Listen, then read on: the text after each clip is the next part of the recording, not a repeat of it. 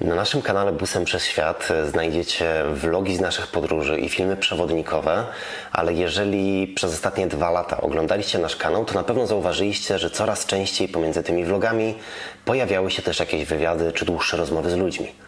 To dlatego, że w naszych podróżach spotykamy masę ciekawych, inspirujących ludzi, e, od których czerpiemy dużo wiedzy, dużo inspiracji i postanowiliśmy e, nie tylko zachowywać tę wiedzę dla siebie i te rozmowy, ale też podzielić się nimi z Wami w formie właśnie wywiadów e, czy takich dłuższych rozmów. I dotychczas robiliśmy to tak, że trochę wciskaliśmy to we vlogi, ale vlogi, które są taką formą 10-20 minutową, nie pozwalają na to, żeby zmieścić tam dłuższą rozmowę. Dlatego postanowiliśmy oddzielić to i stworzyć na naszym kanale nową serię. Serię rozmów, serię wywiadów, które będą dłuższe, bo będą trwały nawet godzinę, a może i czasem dłużej. I te filmy będą dostępne po pierwsze na naszym kanale na YouTubie, który zapraszam, żebyście zasubskrybowali, a po drugie będą dostępne w formie podcastów, w formie takich słuchowisk, które możecie sobie na przykład podczas podróży w aucie posłuchać.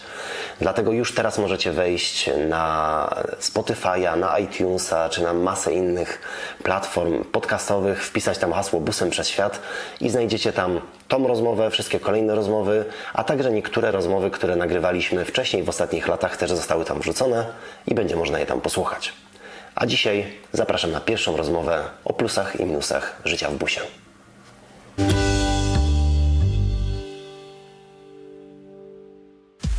Gośćmi naszego pierwszego podcastu są Kasia i Łukasz, autorzy kanału Podróżowanie, na którym opowiadają o życiu w busie przerobionym na kampera. Kasia i Łukasz mieszkali i pracowali w Londynie, ale rok temu postanowili całkowicie zmienić swoje życie. Na YouTubie trafili m.in. na nasze filmy i postanowili kupić busa i przerobić go na dom na kółkach. Rzucili pracę, sprzedali swoje mieszkanie i ruszyli w podróż po Europie. Ich bus to nie tylko środek transportu, ale prawdziwy dom na kółkach, w którym mają pełnowymiarowe łóżko, lodówkę i kuchnię. W tym podcaście porozmawiamy z nimi o plusach i minusach życia w busie. E, tak jak Wam wspominałem, będziemy chcieli porozmawiać o plusach i minusach życia w busie, van life'u, podróżowania w taki sposób i tak dalej. E, bo my to robimy już od prawie 10 lat, trochę w innej formie niż Wy. Wy od e, jakiegoś roku i też mamy zupełnie inne podejścia, bo Wy w tym busie mieszkacie na co dzień, podróżujecie nim po Polsce i po Europie i ten bus jest bardzo duży, jest wypasiony, macie tam właściwie wszystko. My z jednej strony mamy mniejsze auto i częściej jednak jak nim podróżujemy, to siedzimy na zewnątrz niż w środku samochodu, po prostu nie ma miejsca, ale z drugiej strony też robimy to dłużej, bo robimy to od 10 lat, ale w trochę innej formie, więc myślę, że mamy trochę inne podejście, ale bardzo możliwe, że mamy wspólne jakieś spostrzeżenia, które ludziom, którzy myślą o czymś takim, żeby kupić takie auto i zacząć tak podróżować i tak żyć, trochę mogą uświadomić, e, jakie są minusy tego wszystkiego, może też jakie są plusy, o których ludzie nie wiedzieli, ale problem jest taki, że większość ludzi widzi to wszystko, widzi tą piękną otoczkę, piękne zdjęcia i wydaje im się, że to jest takie super łatwe i super przyjemne. A nawet teraz, jak tutaj siedzimy, jest fajnie, jest super miejscówka, ale jest gorąco, jest 30 parę stopni w tych autach. No, w naszym mamy teraz już klimatyzację, ale nie na postoju, tylko jak jedziemy. Tu zaraz nas komary jeszcze zjedzą i tego, jak zrobimy sobie piękne zdjęcie, nie będzie widać, a jednak są takie minusy. Ale zanim przejdziemy do tych minusów i do plusów, to ja bym chciał, żebyście coś powiedzieli na temat tego, e, nie jak to się zaczęło, ale co robiliście wcześniej. Bo od roku od roku podróżujecie sobie busem, który jest przerobiony na kampera i tak wygląda wasze życie. Ale niektórzy mogliby pomyśleć, że tak zrobiliście, bo nie wiem, bo byliście milionerami, bo mieliście strasznie bogatych rodziców, bardzo łatwe życie i to był jakiś kaprys. A podejrzewam, że mieliście normalne prace Nie, nie, wcześniej. nie, byliśmy na całkowicie normalnymi ludźmi. 6 lat temu, no teraz będzie 7 lat temu wyjechaliśmy do Londynu w poszukiwaniu lepszego życia, ponieważ byliśmy zdegustowani niektórymi zachowaniami tutaj w Polsce i wysokością e, pensji miesięcznej. W, w Londynie pracowaliśmy na różnych stanowiskach. Ja robiłem kawę, Kasia sprzedawała ubrania. Później zaczęliśmy troszeczkę rozwijać się bardziej e, piąć się po Piąć się, szczebelkach. piąć się po szczeblach kariery Ja i zostałam tak dalej. visual merchandiserem, czyli byłam odpowiedzialna za to, jak wygląda strój, y, wystrój sklepów. Potem byłam menadżerem jednego sklepu, butiku. Ja w międzyczasie zostałem asystentem menadżera tej kawiarni i wtedy już przestało mi zależeć w ogóle. Przestała mi się podobać ta praca, ponieważ wiązała się znowu stresem, stresem, którego uciekłem od Polski. Właśnie tu miałem pracę, która była dobrze płatna, ale bardzo stresująca. Nie? Dlatego pojechałem do Londynu, żeby robić kawę i w ogóle się nie przejmować niczym, tylko robić kawę i dostawać pieniądze za to. A później jak zostałem asystentem menadżera, to już musiałem się przejmować pr- grafikami, wypłatami i tak dalej. I potem pomyślałem sobie, to nie jest jednak dla mnie. No I wtedy zwolniłem się tak z dnia na dzień i w piątek przeszedłem po prostu do mojego szefa i powiedziałem mu, że się zwalniam, a w poniedziałek zacząłem, rozpocząłem szukanie nowej pracy. No i wtedy znalazłem pracę w takiej jednej stronie internetowej, oni potrzebowali kogoś, kto się zna z językiem polskim, angiel- angielskim, żeby mógł, pomógł w customer service, czyli obsłudze klienta, klientów z Polski. No i ja tam dostałem tą pracę, później dostałem wyższe stanowisko, potem zarządzałem tą jedną stroną. No i praca była jak marzenie, wszystko mieliśmy fantastycznie, byliśmy szczęśliwi, mieliśmy dość dużo pieniędzy, podróżowaliśmy, przynajmniej raz w miesiącu lecieliśmy do jakiegoś ciepłego kraju, bo jak wiecie w Anglii nie ma e, słońca. To jest największy minus Anglii. Gdyby tam było słońce, to by chyba wszyscy się przeprowadzili, ale niestety z tego słońca nie było, więc wyjeżdżaliśmy, a byliśmy takimi podróżnikami bardzo eleganckimi, czyli 4-5 gwiazdkowe hotele, wszystko wiecie na wypasie i kiedyś jak Kasia mi zaproponowała jakiś wyjazd pod namiot, to mówię w życiu, co ty, komary, rozkładanie namiotu, składanie namiotu, to jest w ogóle nie dla mnie. To musi być dobry hotel i tylko, no musi być basen. To było zawsze, jeżeli nie ma basenu, to nie śpię w tym hotelu. I takim byłem człowiekiem i wszystko było pięknie, fajnie. No to trochę odległa wizja do tego, co jest teraz. Totalnie, ja to totalnie, bo ja po prostu wtedy byłem, no, no mi się wydawało, że taki, taki sposób podróżowania to jest najlepszy sposób podróżowania i tylko tak człowiek może osiągnąć szczęście y, z tych, z, od, ze zwiedzania, No właśnie, po paru latach takiego życia, że mieliśmy i dom, i, i fajne meble, i właśnie fajne podróże, okazało się, że jednak no, to, To nie jest to. nie wypełnia naszej duszy. Nie byliśmy w, jakby szczęśliwi. Cały czas, tak na 100%. Cały, Cały, cały, cały czas nam czegoś no. brakowało. Potem wyprowadziliśmy się do Bristolu. Pomyśleliśmy, że może to jest duże miasto, duże to tempo życia, imprezy i no, tam było bardzo szybkie tempo życia i wyprowadziliśmy się do Bristolu, wynajęliśmy taki duży dom z ogrodem, urządziliśmy sobie mebelki, wszystko pięknie, no, złote lustro i naprawdę fantastycznie się tam czuliśmy przez chwilę. Potem jak już wszystko było zrobione, to tak siedzimy z Kasią, mówimy, kurczę, no nie mamy tu znajomych, jesteśmy tutaj sami, beznadziejnie po prostu tutaj jest. No i później e, ja miałem biuro na górze, w pokoju, jednym przerobione na biuro, no i tym czasie wy byliście w Ameryce. I moja koleżanka wrzuciła na Facebooka wasz filmik e, z waszego wyjazdu do Ameryki, do, na Alaskę. No ja zobaczyłem ten filmik i wtedy zobaczyłem potem drugi, trzeci, a później zaczęły mi się wyświetlać filmiki związane z van life'em. Jeden z pierwszych, który był taki naprawdę bardzo mocny, to był filmik z milionera, milioner, milioner z Dubaju, który sprzedał wszystko i podróżuje. I to był gość, który był w moim wieku, który doszedł, no podobne, sz- tam droga kariery była jak u mnie. Doszedł na szczyt, zarabiał dużo pieniędzy, miał w zasadzie wszystko, imprezy, dobre samochody, piękny dom, fajną dziewczynę, ale był nieszczęśliwy, był uzależniony, miał mnóstwo przeróżnych problemów, depresji i tak dalej. Ja tak popatrzyłem do gościa, sobie myślę, to jest to tak dużo wspólnego mam z nim, że myślę, to jest niemożliwe. Po prostu no, ten gość opowiada o moim życiu. A później patrzę na gościa, uśmiechnięty, radosny, broda długa i sprzedał wszystko. Kupił sobie Volkswagena takiego, wymienię się pierwszego, czyli T3 bodajże i podróżuje po świecie, po Ameryce Łacińskiej, podróżuje, jest szczęśliwy. Jestem się, Boże, jak ja bym chciał być tak szczęśliwy jak ten facet.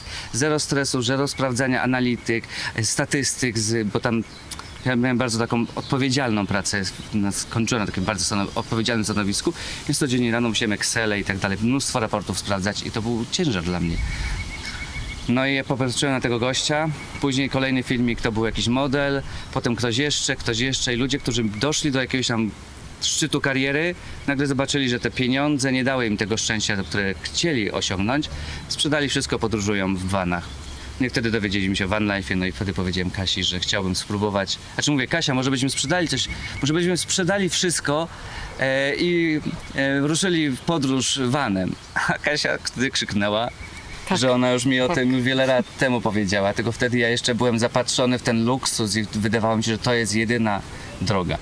Ile czasu minęło od tego pomysłu i od tego momentu, jak Kasi o tym powiedziałeś, Bardzo i do szybko. momentu, jak faktycznie rzuciliście pracę i zaczęliście pracować nad busem? To był mniej więcej wrzesień. koniec września, początek października, a do mieszkania mieliśmy do listopada. I w listopadzie mieliśmy Dom przedłu- mieliśmy do listopada, potem się Mieliśmy przenieśliśmy do małego pokoju. Mieliśmy przedłużać o kolejny rok i wtedy była taka decyzja, albo przedłużamy o kolejny rok ten dom, albo teraz rzucamy wszystko, wyprowadzamy się do mniejszego pokoiku, oszczędzamy kasę i ruszamy w podróż. No ja też nie mogłem się tak z dnia na dzień zwolnić, więc to nie było takie proste, ale od momentu, kiedy się dowiedzieliśmy, usłyszeliśmy o was, do wyjazdu Pół było pół roku.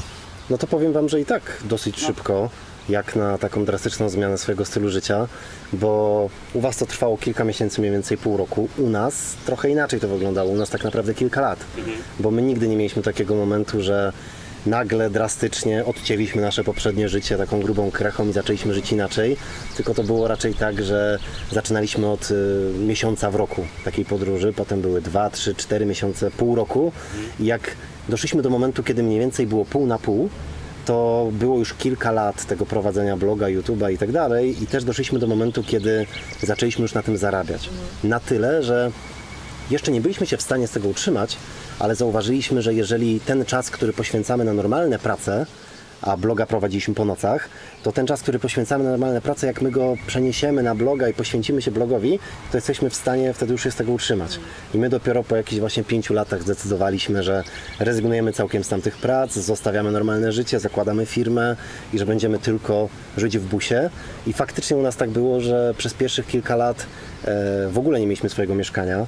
Mieszkaliśmy tylko w busie, ale Przez przez to... 10 lat nie mieliśmy. Tak, ale na Nigdy nie początku... mieliśmy, od niedawna mamy. Dobrze, ale na początku, przez pierwsze 5 lat, jak mieliśmy jeszcze normalne prace, no to nie mieszkaliśmy wtedy w busie, tylko pracowaliśmy. Y, Podczas tego pracowania mieszkaliśmy albo gdzieś na jakimś e, wynajętym mieszkaniu na stacji z innymi ludźmi, albo u rodziców. E, I dopiero po 5, a przez drugie pół roku, jak podróżowaliśmy, wtedy mieszkaliśmy w busie. A dopiero po pięciu latach nastąpiło coś takiego, że całkiem zrezygnowaliśmy, czy to z mieszkania u rodziców, czy właśnie z tych wynajętych mieszkań z innymi ludźmi i przenieśliśmy wszystko na busa i zaczęliśmy wtedy żyć w tym busie właśnie na pełen etat. E, I też dopiero wtedy zaczęliśmy zauważać, że to tak naprawdę nie jest takie łatwe. Bo o ile jak jechaliśmy po prostu na wakacje i w tym busie przebywaliśmy tyle, co tam jechaliśmy, y, pokonywaliśmy jakąś trasę, potem się zatrzymywaliśmy i na miejscu sobie zwiedzaliśmy, no to było spoko, ale jak się okazało, że to już jest nasza praca, nasz pełen etat i nasza firma, no to mamy dużo roboty papierkowej, musimy siedzieć przy tym laptopie, musimy złapać internet i to już nie jest takie łatwe, jakby się mogło wydawać. I w Waszym przypadku teraz Wy też się utrzymujecie z tego, więc też tworzycie filmy, też na pewno macie masę roboty papierkowej, odpowiadania na maile. I czy to jest u Was męczące, czy to jest jakieś problemowe, że musicie szukać tego internetu, prądu i tego wszystkiego? Znaczy to jest jakby, my to traktujemy, dużo osób myśli, że my nie pracujemy. My traktujemy to jak pracę, ale ponieważ to jest praca jakby nasza wybrana, dla nas ona jest przyjemnością. Ktoś właśnie powiedział, że znajdź pracę, która jest twoją pasją i nigdy nie będziesz więcej pracował. Więc my tak do tego podchodzimy. Natomiast no, są takie dni, kiedy na przykład pamiętam, jak byliśmy właśnie przez Niemcy jechaliśmy i byliśmy, ja byłam przekonana, że w Niemczech ten internet po prostu jest no, na mega wysokim poziomie i bardzo łatwo dostępny, a tam się okazało, że wcale tak nie jest o internet łatwo i tam mieliśmy duże problemy, trzeba było po hotelach jeździć, no i to było takie problematyczne. Jest to męczące. Jeżeli miałbym tak wybrać jaką główną wadę tego całego naszego teraz życia, to jest właśnie to, że musimy pracować i że musimy mieć, szukać internetu, musimy produkować te filmy i tak dalej. To jest przyjemne z jednej strony, ale z drugiej strony, że jest 35 stopni e, na zewnątrz, a w samochodzie ponad 40 i ja muszę siedzieć nad laptopem i coś tam robić, to no wolałbym pić drink albo pływać nad jeziorem, nie? Więc to jest... e, Tak, ale ja mam też to. tak, że ja nam na szali zaraz sobie myślę, ja na przykład nienawidzę etatu. Po prostu mnie etaty, mimo że miałam fantastyczne prace, po pół roku każdy etat mnie po prostu zabijał. Więc dla mnie, jak ja sobie przypomnę pracę na etacie i jakby ten obowiązek chodzenia i potem wiadomo, że nade mną byli jacyś tam szefowie czy menedżerowie, więc jak ja sobie przypomnę, że tutaj jestem odpowiedzialna tylko i wyłącznie przed sobą, przed Łukaszem i mam taki, mam dowolność, kiedy ja chcę też pracować, czy ja to robię rano, czy wieczorem, to jednak nie zamieniłabym tego na nic innego. Myślę, że najlepszym rozwiązaniem, tak po sobie też widzimy, byłoby coś takiego, że raz na pół roku idziemy chociaż na tydzień do normalnej pracy, żeby sobie przypomnieć, jak tak. to Przypomnieć, wygląda. tak. Tak, wkurzało tak, w tych tak, normalnych tak. pracach. Tak, Bo to tak. jest jak ze wszystkim. Z taką normalną pracą jest jak z każdą inną rzeczą w życiu, że po pewnym czasie się nie pamięta tych gorszych rzeczy i się idealizuje to w swojej głowie. I czy ja swoją pracę, czy ty też na pewno Ja swoją. bardzo. Pamiętasz jako coś wspaniałego, co nie? Cudownego. Cudowni ludzie z tobą Chciałabym pracowali, wrócić. cudowni byli klienci. I z chęcią byś Ja, wróciła. słuchajcie, miałem tą, tą pracę, że byłem na, tam potem co zarządzałem tą stroną internetową, to była praca marzeń. Zarabiałem dość dużo pieniędzy, pracowałem z domu nawet, oni mi pozwolili pracować z domu, więc pracowałem tak 3-4 godziny dziennie mniej więcej, a płacony miałem za całe 8 godzin, tam nie wiem, 8 godzin. I to była praca, którą nie męczyłem się, no bo pracowałem przed komputerem, dostałem jeszcze porządny komputer i monitory i tak dalej, ale mnie to męczyło. Normalnie to po prostu po paru miesiącach, pierwsze pół roku było fajne, bo to było wszystko nowe, a później to po prostu klepanie w kółko tych samych rzeczy. No, czasami coś się wydarzyło, a czasami się nie wydarzyło i to było takie nudne. I ta praca męczyła mnie. Mimo, że to nie była fizyczna praca, ale ten stres i to, to, to ta monotonność, powtarzanie tych Exceli to było takie nudne. Czyli ta monotonność, ta nuda cię tak, Tak, męczyła nuda, i nuda, no. sprawiła, że ta praca przestała cię Wiele cieszyć. osób, jak zdecydowaliśmy się rzucić, że zdecydowałem się rzucić pracę i przeprowadzić się do Wana, mówili, że to jest najgłupsza rzecz, którą robię. E, Bo, bo to jest po prostu, no, no, mam pracę fantastyczną, rozwijamy się, mieszkanie i tak dalej, małżeństwo i tu nagle wszystko sprzedajemy i jak cygani będziemy jeździć, teraz w samochodzie jeszcze mieszkać. Ludzie totalnie nie mogli tego zrozumieć. A Tacy był bliscy. ktoś, kto was rozumiał? Taki z bliskich osób? Wydaje mi się, że ci ludzie, którzy mówili tak, że fajnie, fajnie, to tak nie wierzyli do końca, że my to zrobimy.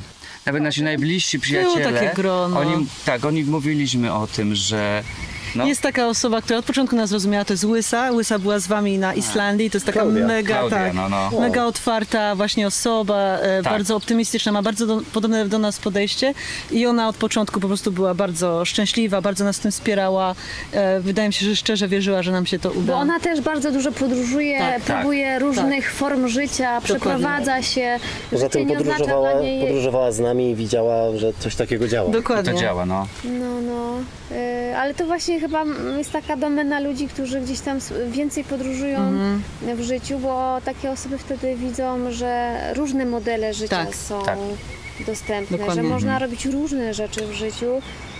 I że po prostu są takie opcje, że można ich spróbować, bo większość ludzi, która gdzieś tam osiadła w jakichś miejscach e, pracy, w których się męczą, to oni często męczą się nie dlatego, że oni się chcą męczyć, tylko oni nie wiedzą, że mogą inaczej, nie? Nie Tak. wiedzą, po Boją prostu się nie wiedzą, że zmian jest inna też. opcja. Boją się zmian, ale nie, nie widzą tych zmian. No. Oni nie znają tych zmian, bo teraz właśnie też po roku czasu widzę, że, że to, że my jeździmy i mieszkamy w busie, to to w ogóle nie jest jakby żadna specjalne jakieś wielkie halo, bo ludzie mieszkają czy w jurtach, czy budują jakieś takie e, domy z cegły, która jest z ziemi.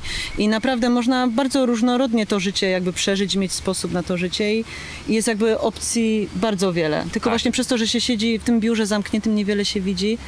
E, podam taki przykład, no to, no to właśnie skąd można wiedzieć, że, że jest, nie wiem, że można żyć w tipi, czy Że właśnie... są alternatywne sposoby życia. Można żyć na łodzi, można żyć na statku, można żyć w samochodzie, można żyć w wanie, w busie, w autobusie, Na w jurtach. wyspie, na- Tak, na rzece. Dokładnie. Jest przeróżnych, mnóstwo opcji. To jest to, co według mnie najwięcej podróży nam dają, bo jest taki wyświechtany trochę już frazes, że podróże kształcą, co nie jest prawdą, bo kształcą tylko niektórych ludzi, którzy są faktycznie nastawieni na to, żeby się czegoś nauczyć, ale może nie samej wiedzy takiej, nie wiem, historycznej czy geograficznej nas najwięcej te podróże nauczyły, ale to, co ja przez te lata najbardziej doceniłem, to to właśnie, że podróżując po świecie mieliśmy okazję poznać innych ludzi Tak. i zobaczyć inne sposoby na życie, Dokładnie. podejście do tego życia, inne sposoby na zarabianie pieniędzy i mogliśmy się przekonać, że to, co my znamy z naszego polskiego podwórka, z takiej klasycznej polskiej drogi rozwoju, że najpierw szkoły, potem y, studia i idziesz do pracy w jakiejś dużej firmie i pniesz się po tych szczebelkach, to po pierwsze nie jest najlepszy sposób na życie, a po drugie to nie jest właśnie jedyny i to jest masa tego. I my bardzo dużo też zmieniliśmy w swoim życiu i w podejściu do biznesu dzięki temu, że gdzieś podróżowaliśmy i poznaliśmy tych różnych ludzi.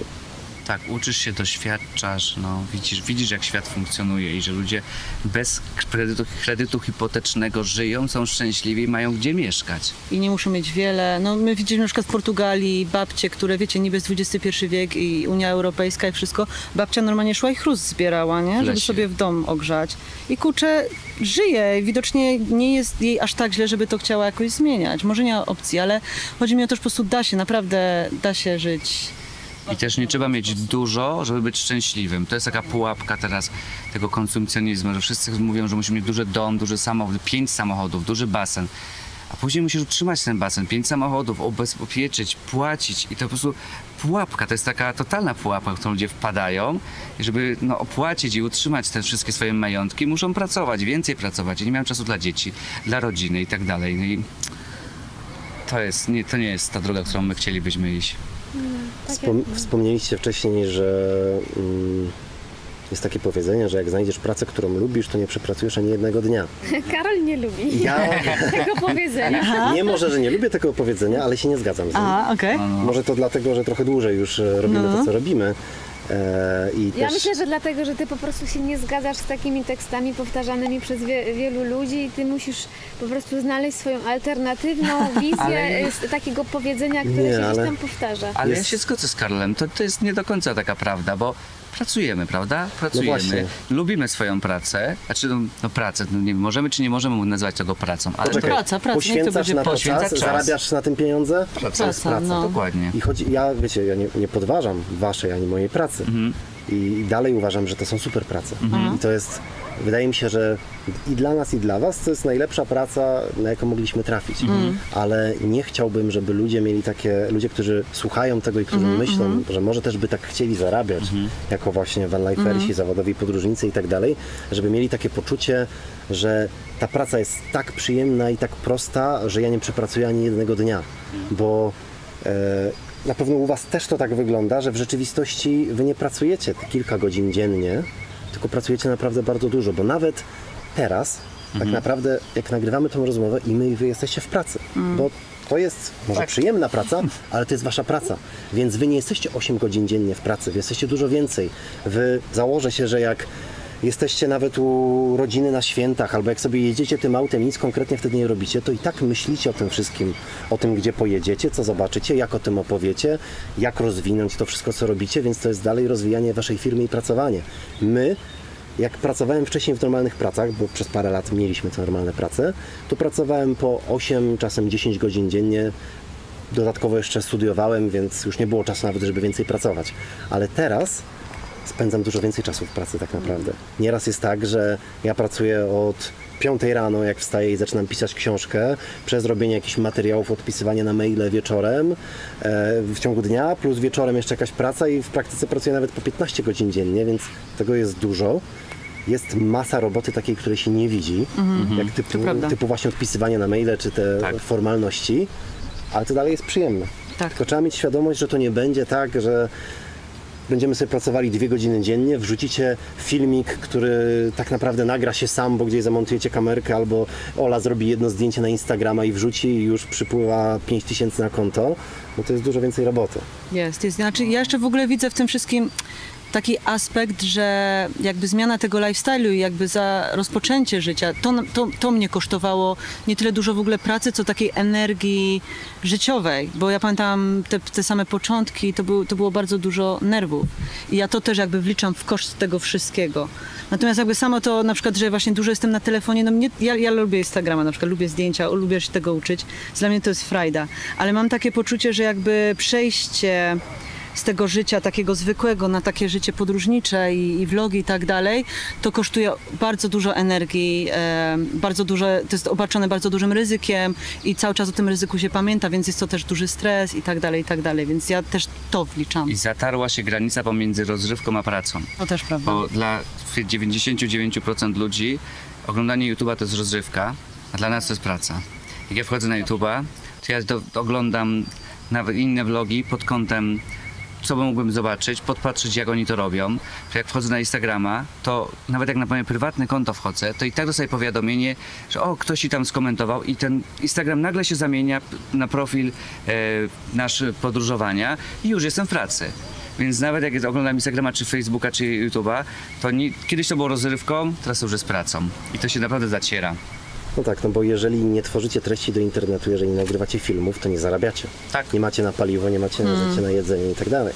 Było parę momentów, kiedy chcieliśmy zrezygnować z tego. Mówimy, no to już jest męczące. Mieliśmy wyjechać po to, żeby podróżować, zwiedzać świat i chillować się, prowadzić jakiś slow life, a siedzimy przed komputerem, kręcimy materiał. Kasia cały czas coś pisze, posty i tak dalej. Ja Mówię, to już jest takie męczące, to jest tak dużo rzeczy, ale no potem nie mielibyśmy faktycznie no, za co wlać do baku, nie? Więc musielibyśmy gdzieś indziej się zatrudnić, u kogoś się zatrudnić, grać na ulicy, albo nie wiem, opierać winogrona, albo cokolwiek innego robić, albo ja bym wrócił do pracy zdalnej, ale no musielibyśmy pracować, więc wolę dla siebie, bo wtedy my często robimy sobie na przykład piątki w środku tygodnia, nie? Mówię, a dzisiaj jest ładna pogoda, dzisiaj zarządzam piątek. I bez względu, na to, jaki, jaki, bez względu na to, jaki jest dzień tygodnia, to dzisiaj na przykład nic nie robimy, jesteśmy wyczulimy. Tylko pokręcimy parę minut, obudzimy się rano, nakręcimy, potem odkładamy kamerę i już wieczór, do wieczora mamy wolne. Więc to jest fajne, że sami jesteśmy panami swojego No, to czasu. jest bardzo duży plus, który my też doceniamy, że No. do wolnego dnia możemy sobie zdecydować, że to jest wolny dzień, że Dokładnie. możemy pojechać coś załatwić, Tak. że możemy nagle zdecydować, że przez dwa miesiące w ogóle nie pracujemy, przynajmniej No. no. my już na tym etapie, kiedy sobie to tak rozkręciliśmy, Mhm. możemy pojechać gdzieś na dwa miesiące w podróż i po pierwsze mamy swoje oszczędności, ale po drugie mamy też takie odnogi naszego biznesu, jak chociażby sklep internetowy, Mhm. które pracują nawet jak my się tym nie zajmujemy. Tak. Bo po prostu gdzieś tam już sobie to działa. Dobrze, uwaga, wje, robimy wjazd na chatę do podróżowania. Proszę mi tu opowiadać, Zapraszam co to was. jest za bus. Zapraszam Was do środka. To jest bus, w którym mieszkamy od ponad roku i żyjemy, nim podróżujemy po całej Europie. Wybudowaliśmy go sami, tymi rękami, z lekką pomocą. e, No moja żona Katarzyna pomogła i, i mój brat, moi bracia jeszcze pomagali nam. Natomiast zdecydowana większość prac została wykonana samodzielnie. Ile czasu wam to zajęło? Dwa miesiące. Miesiąc przygotowań i zrobienia zamówień online i kupowania i dopasowywania i dokształcania się jak to zrobić, a później dwa miesiące takiej intensywnej pracy. Okej, i co tu teraz macie? Bo widzę, że jest Tutaj łóżko. Mamy bardzo duże łóżko, to jest taka stara kanapa z Ikei, rozkładana, tutaj tylko odkręciliśmy nogi, przymocowaliśmy ją. Pod spodem jest bardzo duży bagażek, który zobaczycie za chwilę, no i ono jest zawsze rozłożone to łóżko, więc możemy się e, no, w dowolnym momencie na nie położyć. Moja żona Kasia lubi bardzo dużo poduszek, więc jak widzicie jest tak domowo, tam są książki. Tutaj mamy okno, no teraz jest zasłonięte, żeby nie było słońca, ale normalnie mamy, mamy tam e, dostęp do słońca. To jest taka nasza kanapa. I tutaj bardzo często mamy rozkładany taki stolik, z taki blat wkładamy i pracujemy albo coś jemy. Mamy ponadto normalnie tak jak w kamperach lodówkę, w której jest dość sporo jedzenia. To jest lodówka na gaz i Dobrze, ale same zdrowe widzę, no, prawidłowo. oczywiście no same zdrowe. Cia- Ta, ciastka się tam z boku chyba chowały. schowane. E, Mamy też kuchenkę. Kuchenka to jest taka zwykła turystyczna kuchenka, którą wyjmujemy tylko na czas gotowania i później tutaj na blacie gotujemy. Pod spodem jest e, szafka, w której trzymamy, no teraz wie sam modem i jakieś kable, ale normalnie głównie to jest przeznaczona na butle z gazem. Mamy dwie butle, jedna jest do lodówki, a druga jest do kuchenki. Ale takie duże butle widziałem, Duże tak? butle i to są takie butle normalnie 15-kilogramowe czy 11-kilogramowe.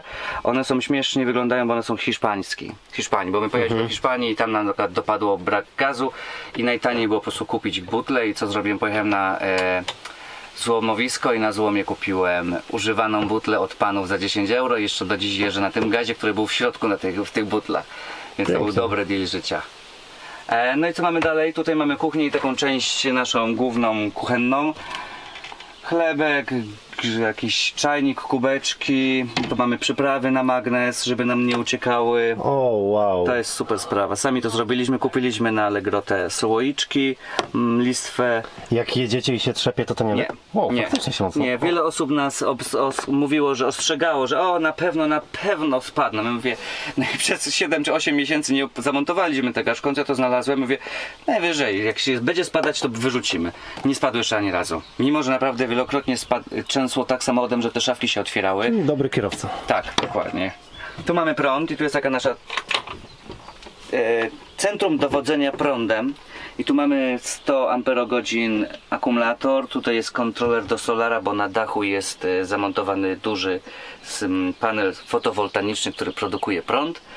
Mamy też przetwornicę, więc możemy, normalnie możemy korzystać z laptopów i przeróżnych urządzeń gospodarstwa domowego, ale nie możemy mieć czajnika takiego elektrycznego, ani suszarki do włosów, no bo to zżera dużo prądu. Dobrze, że żelazko chociaż chodzi.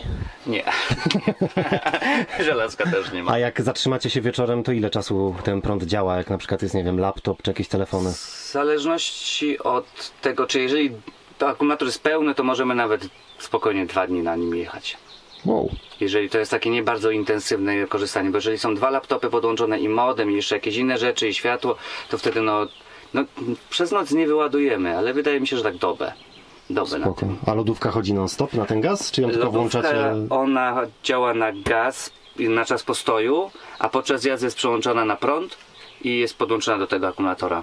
I, Hmm. A ten akumulator jest podłączony do silnika, więc podczas jazdy też się nam dodatkowo... Ale to działa automagicznie, czy Nie, musisz tutaj jest przełączać? przycisk. Tu mam takie przyciski tam. Okej, czyli musisz pamiętać, żeby Tak, tak, tak. Bo jeżeli czas jazdy. zapomnę, to lodówka jest w stanie w 5 godzin wyładować całą, całą, całą baterię, cały ten akumulator. 5-6 godzin i, i pika. Chociaż może nie, 6 godzin. No Okej. A tutaj dalej co mamy? To jest e, druga większa lodówka wymiarowa? Tutaj, tutaj jest prysznic, że tu miał być prysznic, ale y, y, powstała, zmieniliśmy koncepcję i tutaj jest nasza szafa.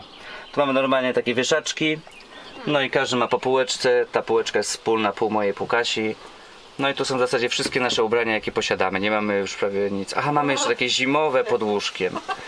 To są wszystkie moje, jakie ja posiadam. O, a Kasia jeszcze ma gdzieś poupychane. Czyli walizek jako takich gdzieś nie macie tutaj wciśniętych? Nie, nie, nie, nie, nie. nie. Okej, no bo my jeździmy z walizkami. Nie mamy walizek, nie mamy plecaków, bo dom zawsze jeździ z nami. Wszędzie, gdzie jedziemy, to, to jedziemy. Raz mieliśmy, ty, musieliśmy tylko lecieć z Portugalii, lecieliśmy na święta Bożego Narodzenia do Polski, lecieliśmy z Lizbony i nie wiedzieliśmy, co zrobić. E, Jak spakujemy te nasze rzeczy? Myślałem, że pójdę po taką torbę taką mm, na zakupy, a no i poszliśmy na spacer wieczorem, no i po drodze zobaczyliśmy, ktoś wyrzucił walizkę. Piękną walizkę, tylko urwane było kółko. Sprawdziłem, była czysta, elegancka, więc ją zabraliśmy i polecieliśmy. Albo kogoś okradli po prostu i wyrzucili samą walizkę. My tak mieliśmy, jak nas okradli, to znaleźliśmy same walizki puste na ulicy. Więc może po, po czyimś nieszczęściu. Tu mamy jeszcze wentylator, który ma bardzo fajną funkcję. On wyciąga powietrze ciepłe na zewnątrz. Bo ma też drugą funkcję, może wprowadzać na dół. Najczęściej mamy tak, że on jest włączony i on działa też jako okap. Więc nawet jeżeli gotujemy i nawet rybki, czosnek i tak dalej, cokolwiek nie gotowali, to ten cały zapach ucieka tam. Zostaje wysysany, więc to jest bardzo, bardzo, bardzo fajna sprawa. Troszeczkę jest brudny teraz, ale Ale jak wdmuchuje powietrze do środka, to jest chłodniej tutaj przynajmniej, czy tak? Tak, tak, tak, jest Daje to odczuwalne. Tak, Okej. Jest to odczuwalne. I nawet rano, jeżeli się obudzimy, włączamy to na dosłownie kilkanaście minut wystarczy, żeby to całe powietrze z wieczora zostało zassane i wymienione na nowe. I to czuć, bo mamy tam porobione wentylatory, takie dziury po prostu w ścianach i tam tędy wchodzi świeże powietrze. Spoko. Co jeszcze fajnego tutaj mamy? Z Mamy przodu? tutaj przejście, ponieważ w polskim prawie jest tak, że musi być przegroda, to jest samochód zarejestrowany jako ciężarowy. Nie zmieniliśmy kategorii na camper, nie mieliśmy czasu ani ochoty, więc zostawiliśmy przegrodę. Nie, No i tutaj dzięki temu mamy dostęp do szoferki. Można z wielką łatwością wejść do środka. A w szoferce coś specjalnego? W szoferce nic specjalnego nie mamy. To sobie No to zamontowaliśmy. to zamontowaliśmy sobie takie uchwyty. No i w zasadzie to nie ma nic jakoś wybitnie. A, no to są jakieś szersze? Nie, w sumie. Nie, nie, My to jest- na Oli Kubek, ale To jest y, po prostu zwykła taka standardowa jakaś pewnie standardowa, ale ja ją po prostu na silikonie i włożyłem taką śrubkę do środka, że ona nie jest przykręcona nawet, tylko jest na silikonie, ale trzyma taki duży kubek nawet i jeszcze nigdy nie spadło. Więc silikon, ja jestem w ogóle królem silikonu, samozwańczym królem silikonu, połowę tego samochodu to jest silikon. O, i widzę, że tutaj pozdrowienia dla grupy Campermeistre. Tak, tak, tak, tak. Pan Campermeister nam bardzo pomogły, ponieważ my w ogóle nie mieliśmy żadnego doświadczenia, jeżeli chodzi o budowanie kampera wcześniej. Wszystko się nauczyliśmy w internecie, na YouTubie i na Campermeistrach. Spoko. Polecasz. Tak. Bo wspomnieliście, że wcześniej w tych pracach, które mieliście, troszeczkę Was irytowała ta nuda, powtarzalność, monotonia i tak dalej. A jak to wygląda teraz w Waszym codziennym Teraz życiu? jest całkowicie inaczej. Teraz każdy dzień jest inny. Każdy, każde popołudnie jest inne. Każdy poranek jest inny, bo raz, że podróżujemy prawie codziennie. Mamy taką zasadę, że prawie i się trzymamy jej, może z paroma wyjątkami, ale nie śpimy dwa razy w jednym miejscu. Więc przyjeżdżamy dzisiaj tutaj, jutro już nas tu nie będzie. I to nam daje to, że za każdym razem jesteśmy w nowym otoczeniu. Często gęsto zmieniamy kraje, więc jednego dnia jesteśmy w Estonii, na drugi dzień jesteśmy w, na Litwie albo gdzieś w Finlandii. Więc to jest, to jest super, że możemy odkrywać nowe kultury i, no i cały czas jest coś nowego. Tak, nie? tak, to jest super. No, cały czas coś się zmienia, nowi ludzie, nowe miejsca, nowe odkrycia i nawet e, właśnie fascynujące jest teraz, jak jeździmy przez Polskę. O. Wydawało nam się, że znamy Polskę, a Polska nas praktycznie codziennie zaskakuje, także no, czujemy, że żyjemy, myślę, dzięki temu. Tak. Nie ma nudy, nie ma miejsca na nudę. To my też coś takiego mamy właśnie teraz, że nawet tą Polskę zaczęliśmy doceniać. Bo wcześniej wydawało nam się, że trzeba pojechać na koniec świata do Australii, do Stanów, na Alaskę i tak dalej, żeby coś fajnego odkryć. A tu się okazuje, że nawet w Polsce są takie miejsca, o których się wcześniej nie słyszało, jak chociażby to Zalipie i te malowane Tak, chaty, tak, gdzie teraz tak. byliśmy, czy ostatnio odwiedziliśmy e, wioskę tatarską na wschodzie Polski, gdzie mieszkają polscy muzułmanie, którzy są tu od kilkuset lat. I o tym też się nie mówi i to jest...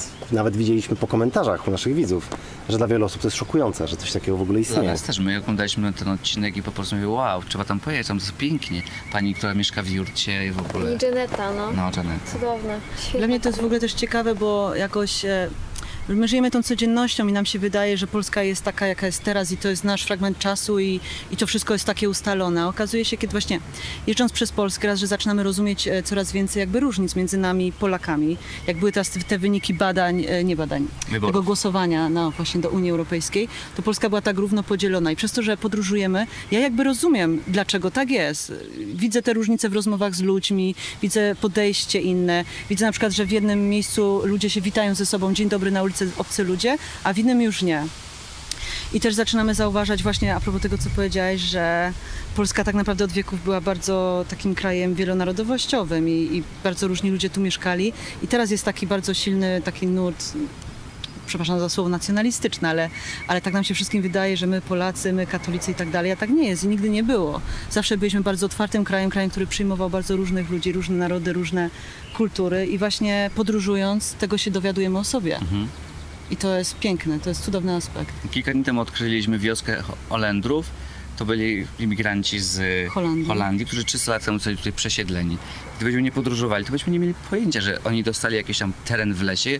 Oczywiście totalnie beznadziejny, był jakiś sam piasek i to nie była jakaś dobra ziemia, ale oni nauczyli się, jak ży- współpracować z tą ziemią, melioracyjne jakieś rowy porobili i żyli. I wybudowali chaty, które są do dzisiaj, stoją Tak. tam. Nie jest dla Was problemem to, że Wasze życie jest takie teraz nieprzewidywalne, niestabilne? Bo wiele osób, przynajmniej jak nam pisze, e, tak oglądając te nasze podróże i nasz sposób na życie, no to mówią, że o super, bo jesteście tacy niezależni, e, tyle podróżujecie, odwiedzacie nowe miejsca i tak dalej, ale ja to bym potrzebował takiej stabilności i bałbym się tego, że nie wiem e, ile w tym miesiącu zarobię pieniędzy, nie wiem gdzie dzisiaj będę spał i dla niektórych to jest chyba takie nie do przejścia. To jest, my ćwiczymy, też powiedzieć, bo ja bym powiedział, że to jest mindfulness, my żyjemy tu i teraz. Nie mamy planów, więcej niż za dwa miesiące to nie mamy planów, a tak naprawdę te nasze plany są tak na jeden dzień, maksymalnie dwa dni do przodu. I dzisiaj jesteśmy tu, jutro jesteśmy gdzieś indziej i jakoś, nie wiem, Znaczy, ja przyzwyczailiśmy mogę też powiedzieć, tego. że my się tego nauczyliśmy, bo my jakby kiedy zaczynaliśmy Van Life, podjęliśmy tę decyzję, my już byliśmy po kilku takich życiowych, dużych zmianach.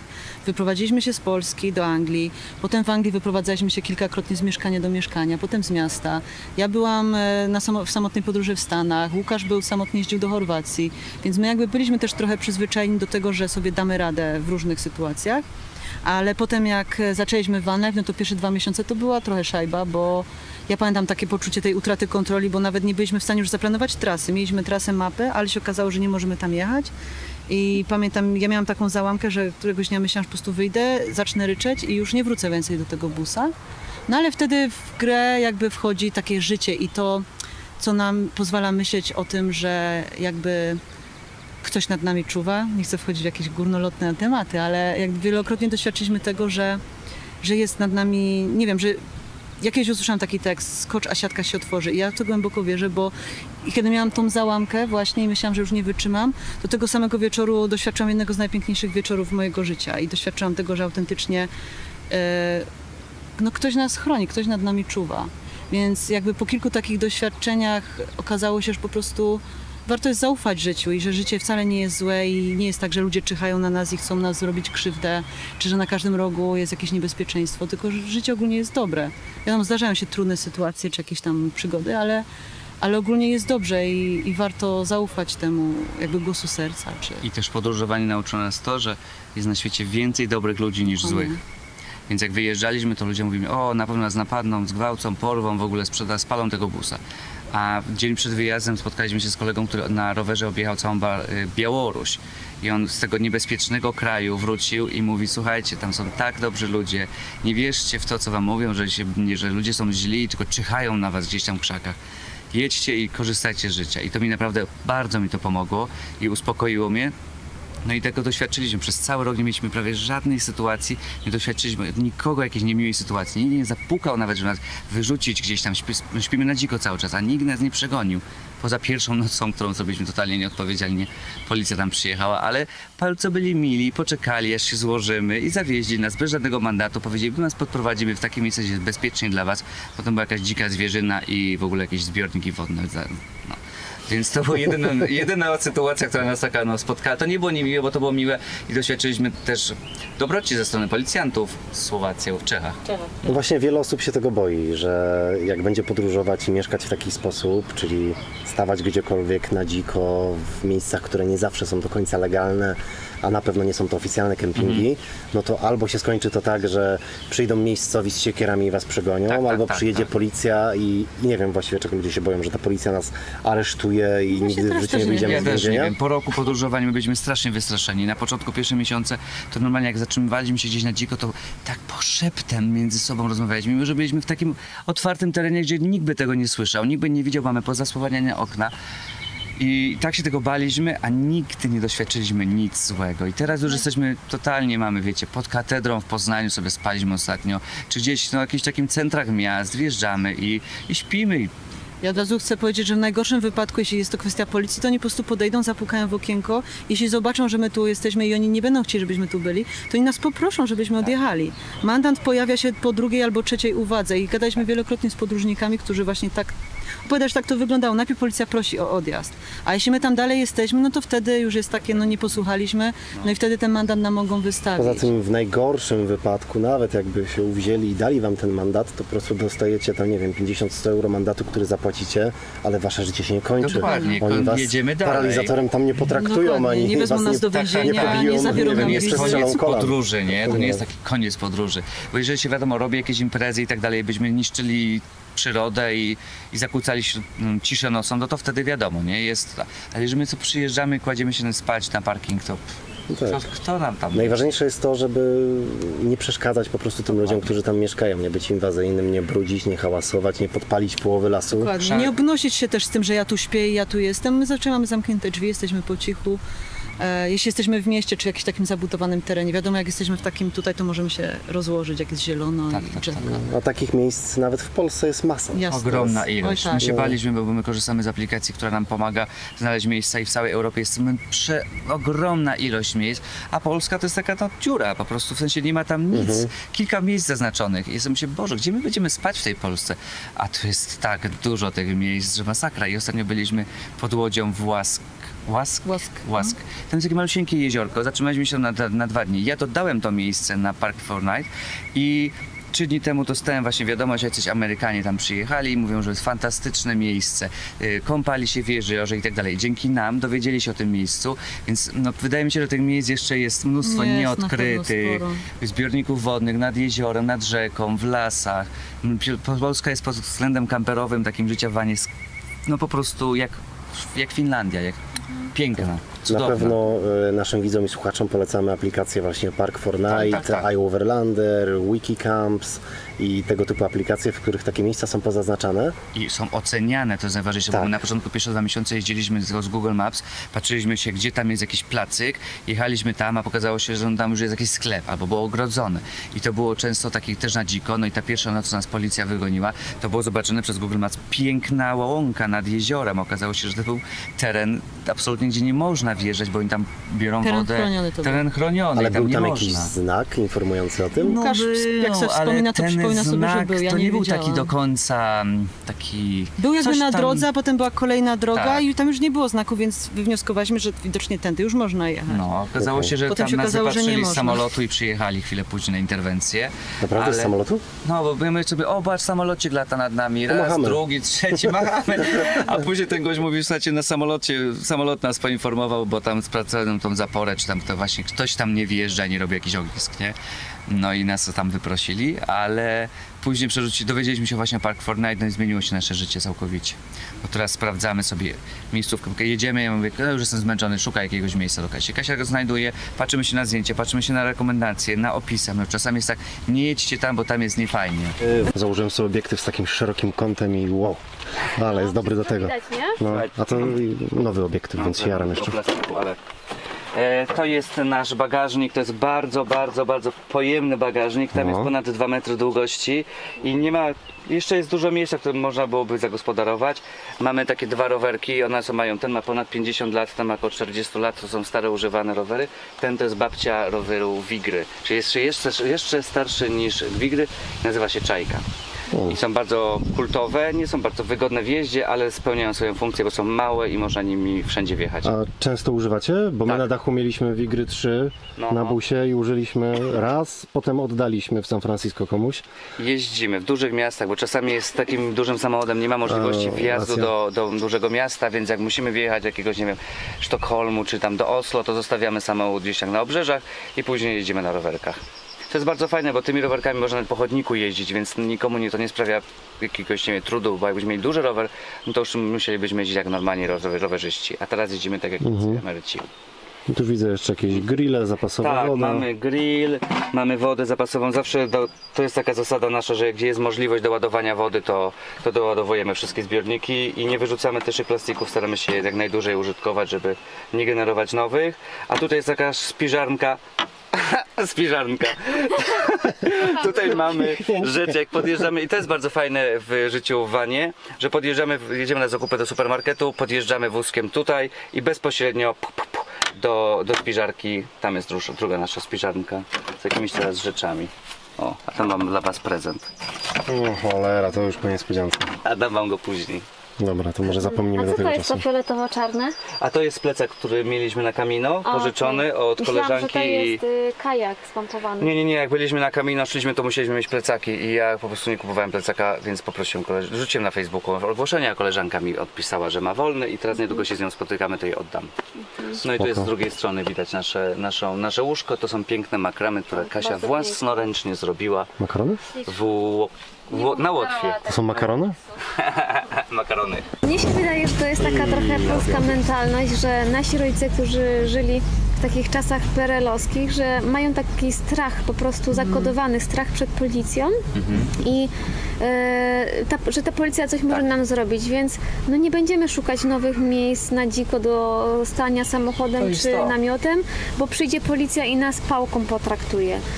I po prostu gdzieś ten strach tak przekazany został nam i gdyby nie te kilkanaście, nie wiem, kilkadziesiąt osób, które gdzieś te miejsca w Polsce chcą odkrywać, takie nawet to, na którym teraz stoimy, no to właśnie dalej by ten, ta mapa Park for Night stała pusta.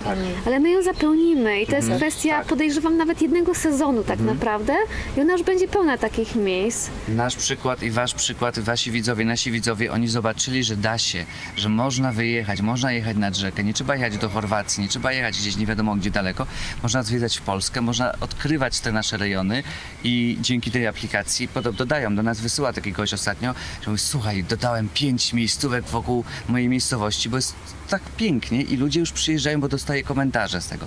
I taki był zadowolony i podziękował nam, że my mu powiedzieliśmy o tej aplikacji, bo też on jeździ w te miejsca, e, które są zaznaczone na tej mapce i to jest super, ta społeczność, która się tworzy wokół tego. Ale a propos właśnie takiego jeszcze dodawania miejsc, to ja jeszcze odwrócę, odwrócę trochę kota ogonem, bo ja mam taki e, wewnętrzny problem trochę ostatnimi czasy z dodawaniem takich fajnych perełek. Czy to na bloga, czy to na Instagrama oznaczanie, e, czy w jakieś inne miejsca w internecie, bo teraz kiedy tych e, ludzi obserwujących mamy taką całą masę, Ja nie jestem w stanie powiedzieć i wziąć odpowiedzialności za wszystkich tych ludzi, którzy usłyszą o jakimś miejscu. I na Czy nie przykład zniszczą, nie? Dokładnie. I na przykład jak byliśmy ostatnio nad Odrą w przepięknym miejscu, y, które jest zarezerwowane tylko dla okolicznego takiego, można powiedzieć, małego osiedla domków. My tam wjechaliśmy, bo Karol po prostu sobie na, na Google Maps gdzieś tam znalazł to miejsce. No i właśnie to było takie bardzo prywatne dla mieszkańców, y, piękne miejsce nad rzeką. No i tam wjechaliśmy, spędziliśmy super czas. Potem zalała nas masa pytań, gdzie jest to miejsce.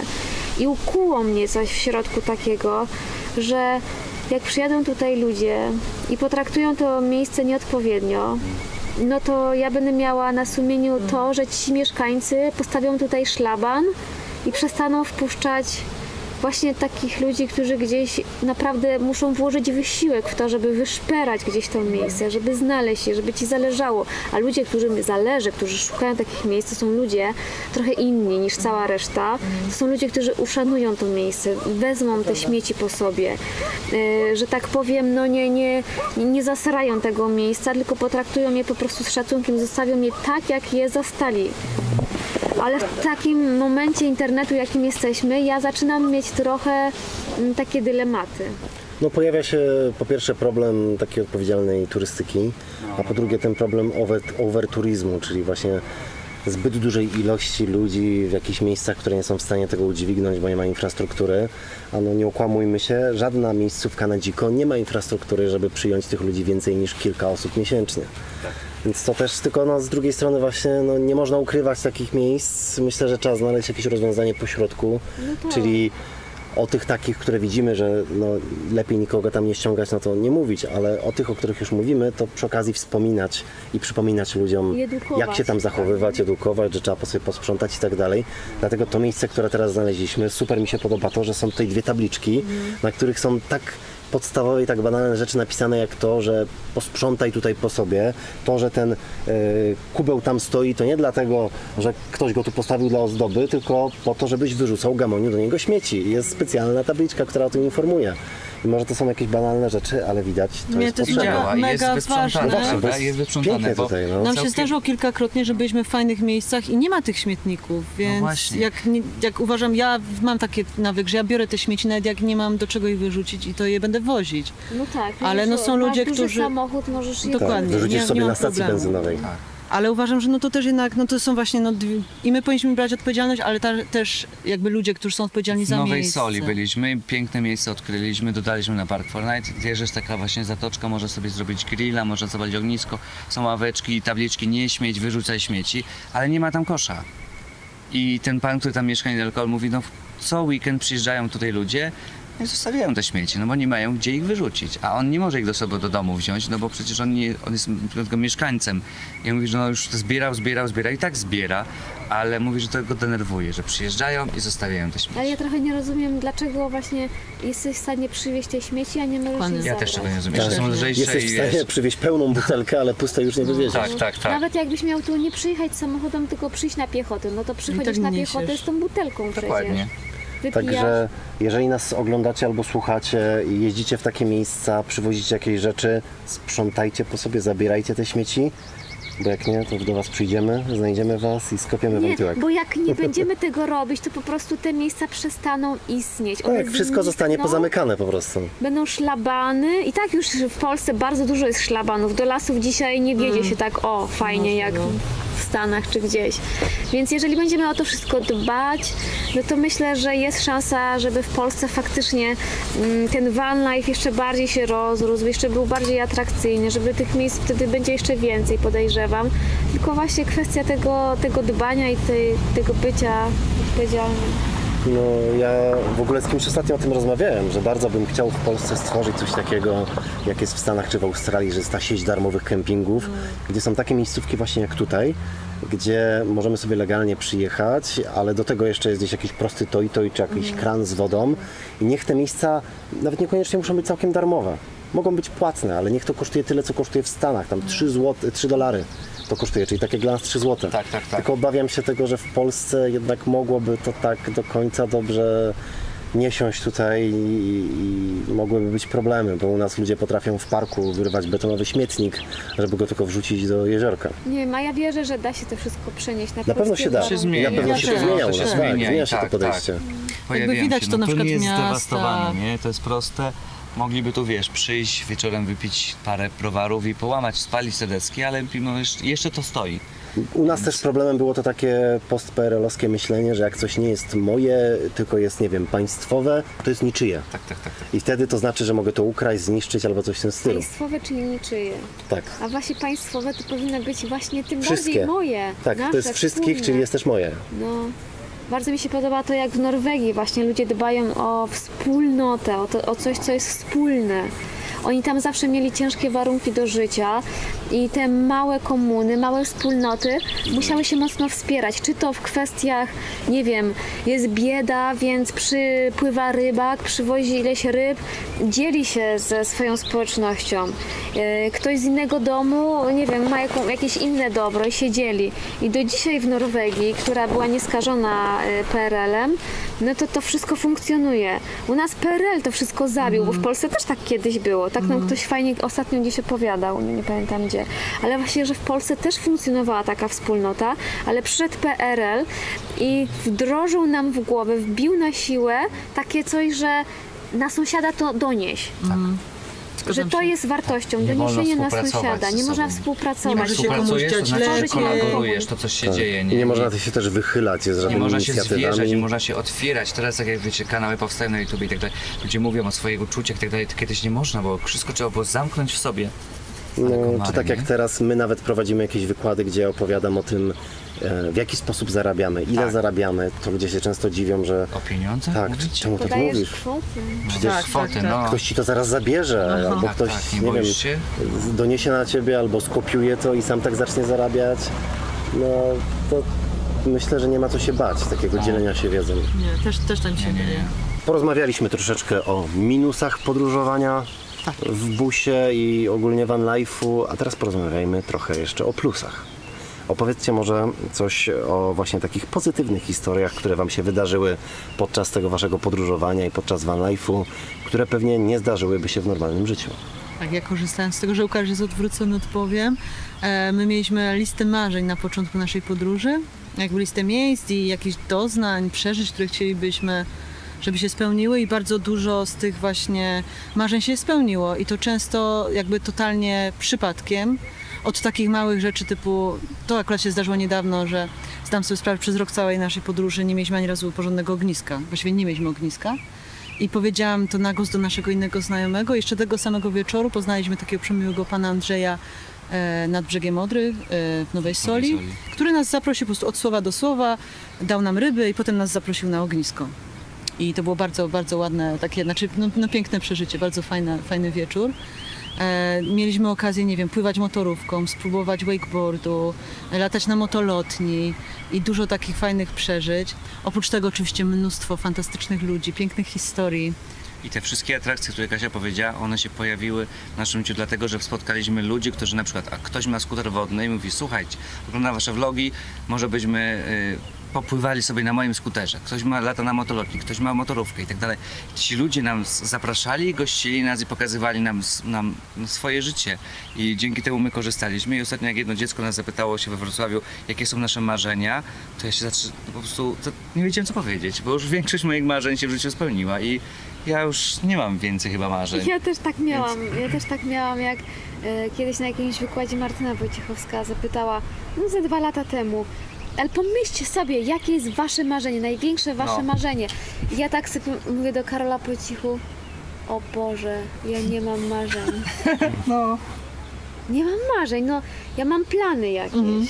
Cudowne, wspaniałe plany, ale że nie mam jakichś wielkich marzeń. Ale to kwestia tego, że po pierwsze właśnie wiele tych marzeń już spełniliśmy. Spełniły się, no. A po drugie zmieniło się też nasze podejście do tego, że kiedyś jak myślałem o odwiedzeniu Australii, to to dla mnie było równoznaczne z podróżą na Księżyc. To było po prostu nierealne, że ja nigdy tego nie zrobię, więc to było takie odległe marzenie, o którym ludziom opowiadam, ale pewnie i tak nigdy tego nie zrobię.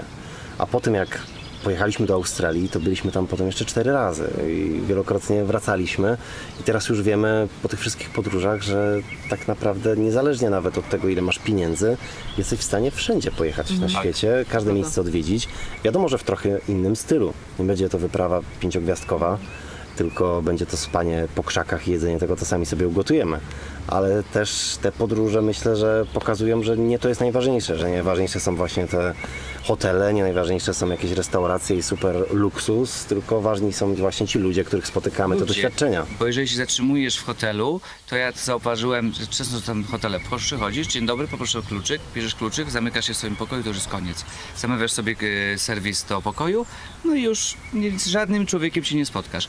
A my wieczorem jedziemy gdzieś, spotkamy kogoś, tu jakiś, jakiś rolnik zatrzyma, tu jakiś ktoś przyjedzie innym kamperem, rozmawiamy, wymieniamy się kontaktami, doświadczeniami i tak dalej. Więc cały czas z kimś rozmawiamy, z kimś przebywamy. Tego byśmy nie doświadczyli zam- zamykając się w naszym pięknym, nawet pięciogwiazdkowym pokoju. A Ale też właśnie e, od razu mam taką refleksję, że w sumie e, to takie spełnienie marzeń to nie jest wcale jakąś e, wielką rzeczą, że każdy może to robić i że to jest tak naprawdę na wyciągnięcie ręki, tylko że często ludzie to tak odciągają w czasie, bo myślą ciągle, że to jest coś takiego nie wiem, wielkiego, nierealnego i że to jest na kiedyś, No, na no, takie no. nie wiadomo kiedy. I na przykład teraz nawet, e, nie śmiejcie się, jak sobie e, oglądam tego Big Brothera i tam właśnie już jest finał, jest e, czwórka finalistów. E, I Wielki Brat pyta się ich w pokoju, w pokoju zwierzeń, każdego po kolei, na co wydasz te wielkie pieniądze, które mógłbyś wygrać. Nie? Co zrobisz z pieniędzmi, które, które, jak, jakie wygrasz? No i wszyscy odpowiadają, cholera, to samo, na podróż. Ludzie Na chcą, potrzebują pojechać w podróż. To, to jest marzenie wielu ludzi, żeby wziąć rodzinę, wziąć dzieci, żonę i pojechać w jakąś daleką podróż.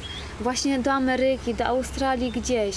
Dlaczego ci ludzie nie wiedzą wciąż, że można to zrobić, nie wiem, niskim kosztem? że wcale nie trzeba dolarów, wygrywać tak jak 100 wy. tysięcy nie Dokładnie, nie trzeba, nie trzeba No. wygrać jakiegoś konkursu, nie trzeba wygrać lotu ani Big Brothera, żeby pomóc podróżować. No. I ostatnio dostaliśmy takiego maila jak parę miesięcy może temu od jednego pana, który całe życie czekał na to, żeby jak będzie miał emeryturę, to pojedzie podróżować. Prowadził duży pensjonat i dobrze mu prosperował ten pensjonat i zobaczył nasze vlogi i mówi dosyć tego czekania, ja się nie doczekam do tej emerytury, albo jak już doczeka się do tej emerytury, już będzie za stary na to, na to żeby móc korzystać pełną parą z, tej, z tych podróży. Sprzedał pensjonat w takim momencie e, i kupił kampera, kupił samochodzik, który zapiął sobie do z tyłu i jeździ. I zapytał się na co jakieś tam rzeczy, tam Kasia mu mówi, no można jeszcze to tak zrobić, a mówi, ja nie mam czasu, po prostu ja chcę teraz jechać i teraz chcę e, już korzystać z życia i realizować moje marzenia, a nie czekać na to, że kiedyś będzie lepszy czas. A przypomnijcie, ile macie lat? Ja mam 33. Ja 30. Okej, jesteś 8-8? 8-8. Okej. To tak jak my. No, Wy oboje 8-8? Tak. No ale co rocznie. Najlepszy. Nie To ma czekaj, to ja mam lepszego. 8, czy 32 w takim razie, bo jestem 8,6. No ja jeszcze się trzymam 30. O, 8-6. Nie, będę, nie będę dodawać te 31, Nie, póki ja nie też. skończę. Jesteś czarnobylski rocznik. Tak, tak. Taki wyrośnięty, ładny. Dobrze, y, dzisiejsza rozmowa nauczyła nas, że życie się nie kończy po Czarnobylu. Dziękujemy.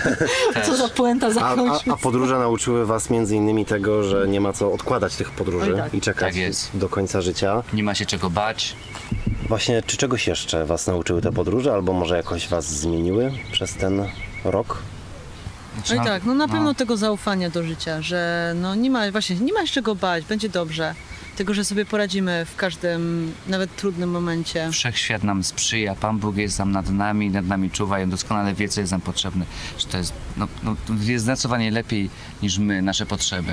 Mnie też nauczyły, to na pewno też trochę Kamino, czyli wędrowanie przez szlaki świętego Jakuba, ale ja to rozciągam na całą podróż. E, nauczyły mnie tego, że tak naprawdę, mimo że widzimy wiele różnic między innymi ludźmi, krajami, kulturami, religiami, koniec końców wszystkich nas łączy jedno, to doświadczenie e, człowieczeństwa, czy ta wędrówka przez życie.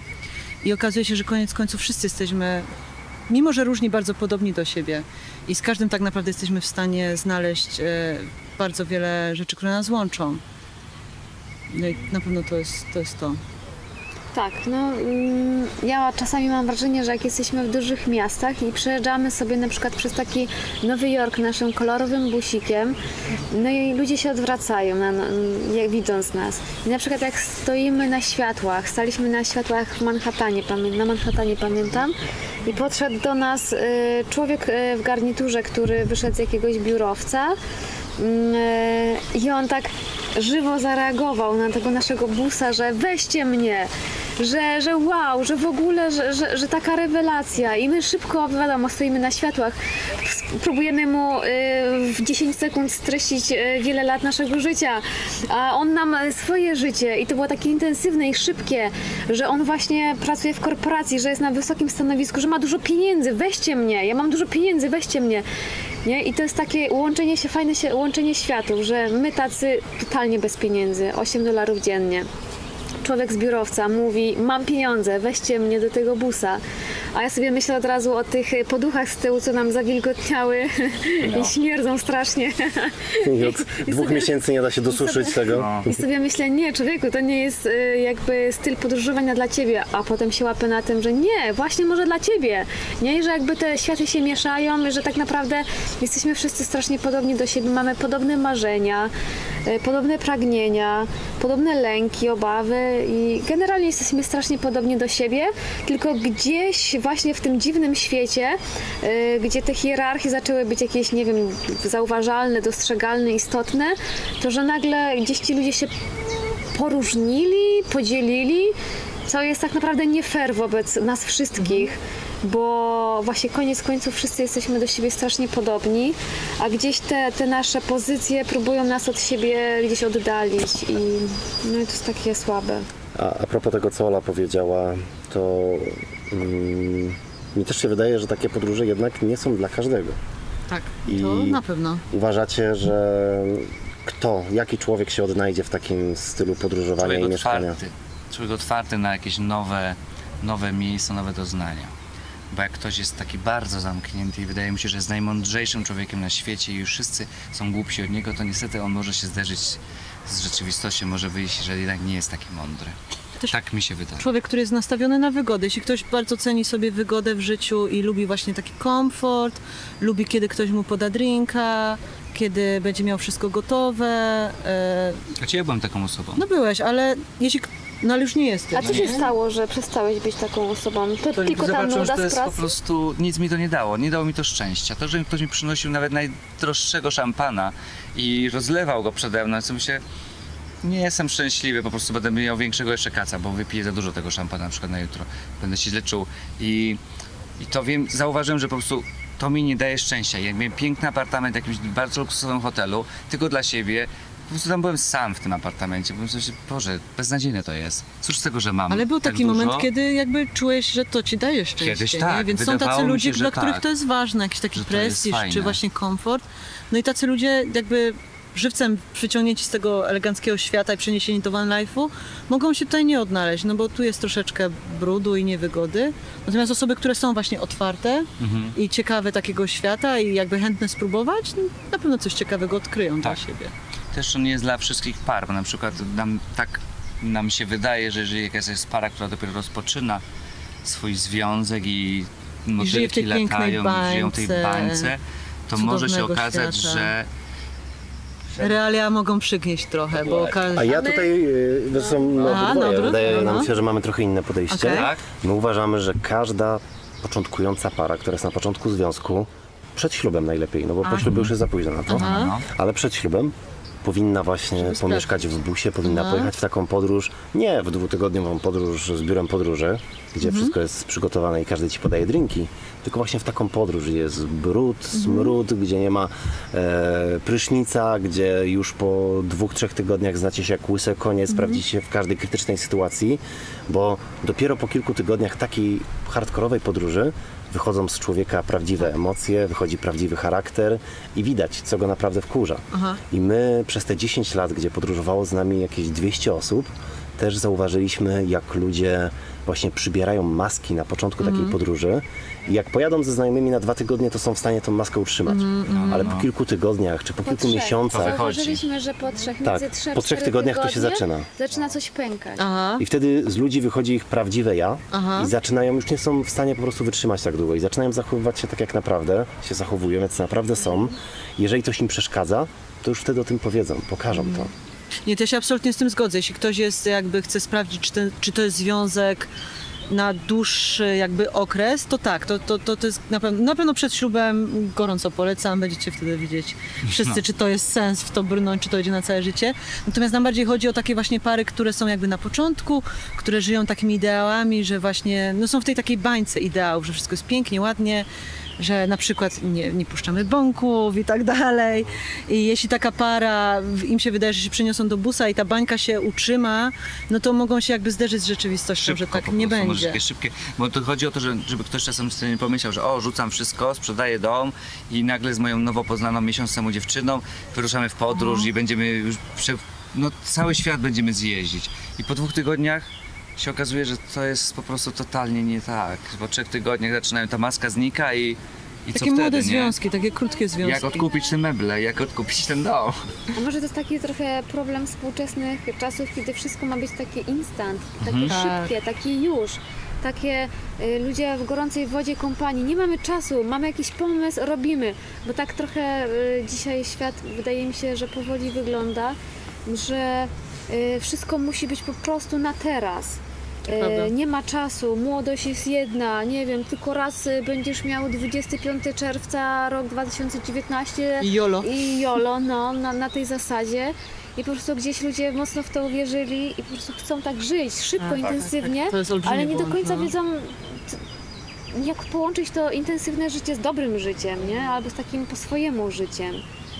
E, I, I tutaj gdzieś wydaje mi się też, że ludzie mogą się właśnie zatracić, bo ja sobie nie wyobrażam poznać chłopaka i, załóżmy, nie wiem, za dwa tygodnie rzucić z nim wszystko i, i ruszyć w podróż busem. No nie tak to powinno wyglądać. Znaczy, nie, nie złe słowo, nie, że powinno, nie powinno, tylko bardziej Wiadomo, że są wyjątki, ale ja się totalnie z tym zgadzam. Myślę, że najlepiej znaleźć coś po środku, bo wiadomo, że nie można wszystkiego rzucić i nagle z prawie obcą osobą pojechać w taką podróż, ale z drugiej strony też nie można tego odkładać nie wiadomo ile tak. i szykować tego przez 10 lat.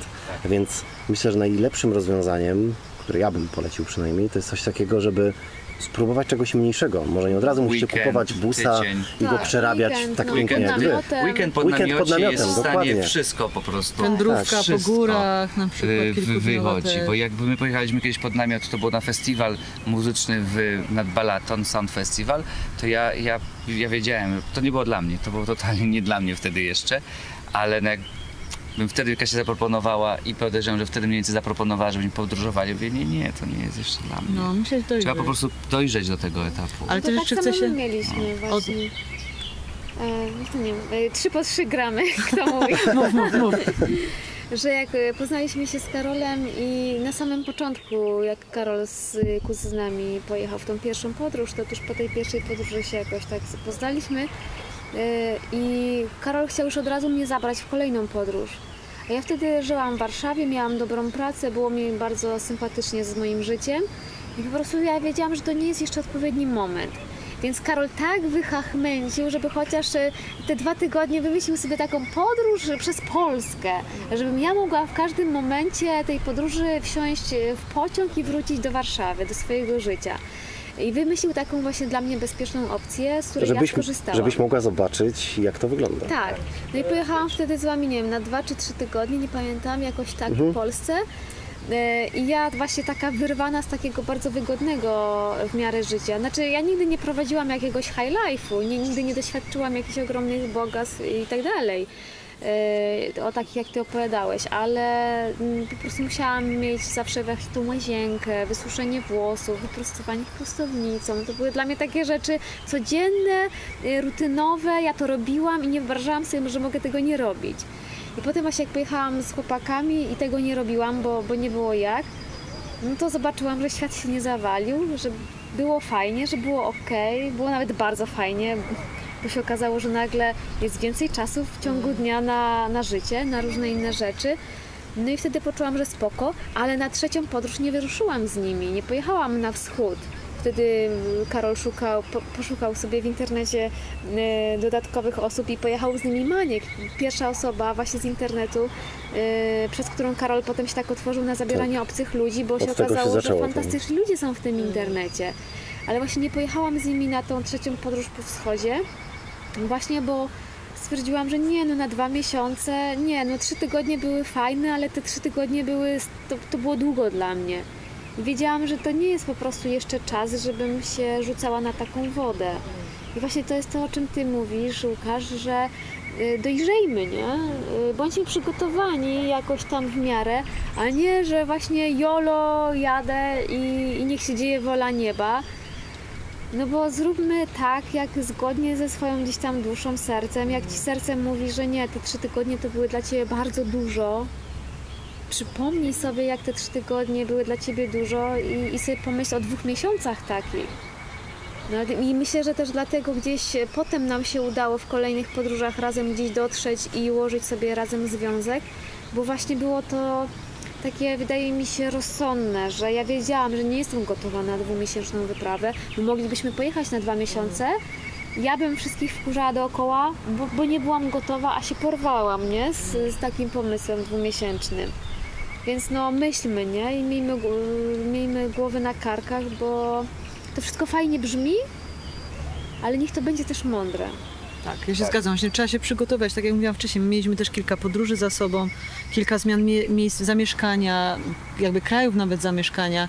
Więc to nie było tak, że my mieszkaliśmy całe życie w Polsce, mieliśmy tam jakąś ustaloną pracę i nagle bam, wszystko zmieniliśmy. Tylko mi się wydaje, że całe nasze jakieś tam e, to, to, to, dorosłe życie, tak powiedzmy od 20 roku życia, przygotowywało nas na to, żebyśmy w stanie też zmienić to życie w taki sposób, że zamieszkać w tym wanie. Ale też właśnie myślę o tym, że ja pamiętam taki moment, że mi się wydawało, jak jeździ, już jechaliśmy w naszej podróży na początku, pierwszy miesiąc i pamiętam takie zaskoczenie, że wow, to ja wyjechałam, miało być jak w Instagramie, mieliśmy tylko leżeć nad rzeką, robić Tak. sobie zdjęcia z tymi napompowanymi jakimiś ładnymi e, materacami, grać na gitarze, nabraliśmy Książek, chyba książek, 500 nabraliśmy chyba. pudło, bo mieliśmy tylko czytać książki, a nagle okazało się, że nawet już pomijając tego vloga, że samo to takie życie, znalezienie wody to było wyzwanie, bo nie wiedzieliśmy gdzie, znalezienie noclegu to było wyzwanie, przejechanie od punktu A do B, potem jeszcze zmiana planów, bo nagle, nie wiem, w Chorwacji była bura, czyli taki wielki wiatr, i nagle to takie zwykłe życie nas przygniotło trochę i ja, ja czułam trochę się oszukana, bo ja myślałam, że van life to są tylko te piękne, kolorowe zdjęcia i że my tylko będziemy te zdjęcia robić. Natomiast okazało się, że na te piękne zdjęcia trzeba też właśnie poczekać, że one są i ta wolność, e, taka możliwość właśnie zatrzymania się w momencie, kiedy ja naprawdę tego potrzebuję, ona istnieje, ale to nie jest codzienność, to są chwile. I właśnie dla tych chwil warto wyruszyć, ale to nie jest tak, że to będzie dzień w dzień, bo dzień w dzień jest po prostu rzeczywistość. No, codziennie dużo godzin zajmuje sama walka o przetrwanie. Dokładnie. Tak, sam, jest- sam, sam przejazd to jest czasami kilka Tak, godzin i to jest samej taki jazdy. trochę, trochę powrót do korzeni tego, jak wyglądało kiedyś ludzkie życie. Tak jak rozmawialiśmy na przykład w Stanach czy w Kanadzie z Indianami, którzy jeszcze zanim Europejczycy przyjechali tam, no to ich życie polegało na przetrwaniu. Oni musieli zdobyć pożywienie, oni musieli znaleźć jakieś miejsce, gdzie tego dnia przenocują, musieli wodę, przemieszczać się, odnajdywać jakieś lepsze tereny i tak dalej. I w momencie, kiedy e, nagle przyszli Europejczycy, którzy najpierw ich w większości wymordowali, ale potem dali im te dobrodziejstwa cywilizacji, dali im zasiłki, dali im mieszkania, czyli można powiedzieć, że trochę im ułatwili życie, a okazuje się, że wręcz przeciwnie, bo oni stracili ten sens życia, jakim było to podstawowe przetrwanie i nagle te nowe problemy, które zostały stworzone, są dla nich dużo większe niż ten problem taki podstawowy jak zdobycie wody.